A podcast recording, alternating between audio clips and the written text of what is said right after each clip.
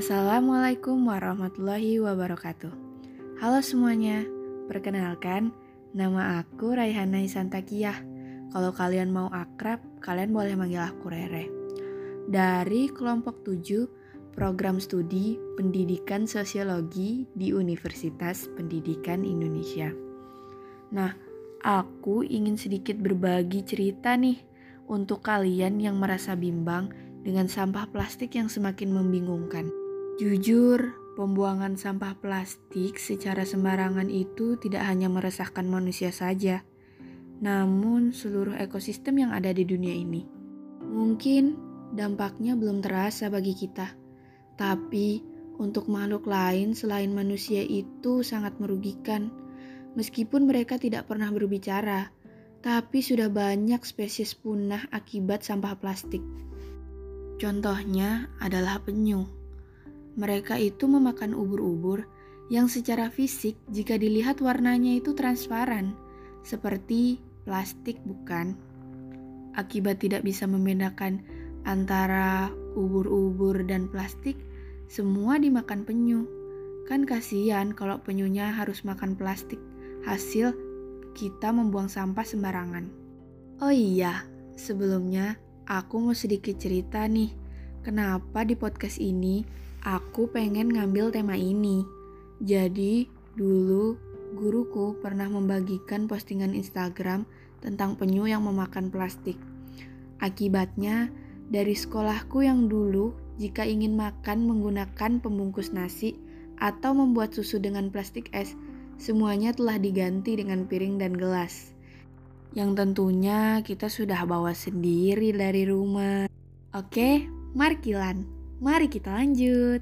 Di sini tadi aku bilang jika dampak dari sampah plastik ini tidak hanya untuk hewan ekosistem, melainkan seluruh dunia kan. Jadi, dampak plastik terhadap kesehatan dan lingkungan itu apa sih?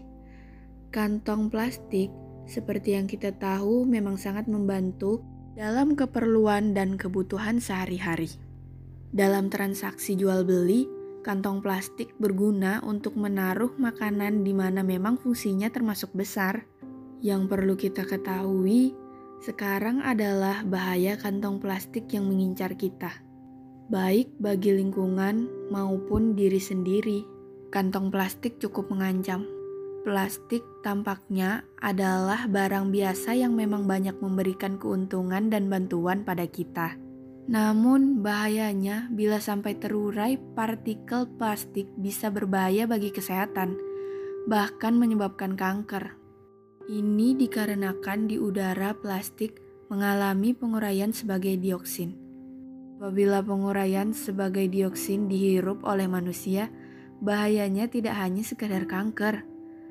Bagian sistem syaraf kita pun mampu terserang sehingga terjadi kerusakan di sana. Gangguan sistem syaraf ini pun biasanya bakal berimbas juga pada kinerja organ-organ kita yang lain. Ini tuh biasanya dikarenakan pembakaran plastik tidak berjalan dengan sempurna. Depresi biasanya berawal dari kondisi stres yang sudah menjadi parah. Hal ini pada umumnya disebabkan oleh masalah internal maupun eksternal, di mana depresi kemudian berujung gangguan jiwa dan mental. Hanya saja, potensi depresi ini disebabkan oleh paparan senyawa berbahaya dari plastik yang saat proses pembakarannya tidak sempurna. Ih, aku serem sendiri ya teman-teman. Karena plastik yang biasanya kita genggam sehari-hari itu bisa sampai ke saraf, kanker, yang membuat umur kita semakin pendek teman-teman. Tapi menurut aku sih Indonesia itu cukup peduli pada sampah plastik ini. Contohnya pada supermarket atau minimarket. Kita udah jarang bukan menjumpai plastik untuk digunakan sebagai wadah barang belanjaan kita, namun diganti dengan tas daur ulang yang lucu dan tentunya tidak gratis.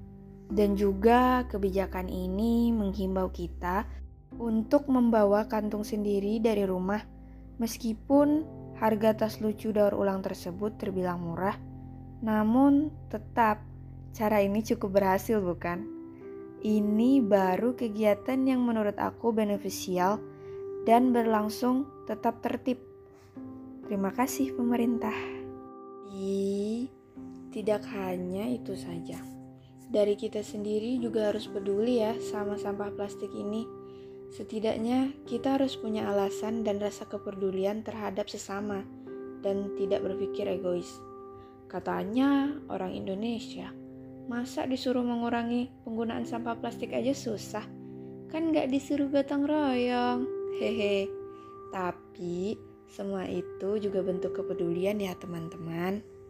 Oke, aku pikir segini aja cukup kali ya. Aku tahu kalian sedih, tapi jangan terlalu larut ya. Entar kamu manis kayak gula. Kalah dong aku. Hehe. Udah bercanda. Ya udah. Kita serius dulu nih. Yang penting kita udah sama-sama ngerti kan bahayanya dan mencegah dan menimbulkan rasa kepedulian dengan sekitar. Ya udah, sekian dari aku. Mohon maaf nih kalau masih garing, kan masih belajar. Kalian juga ya. See you next time. Salam dari Rere. Assalamualaikum warahmatullahi wabarakatuh. Bye bye.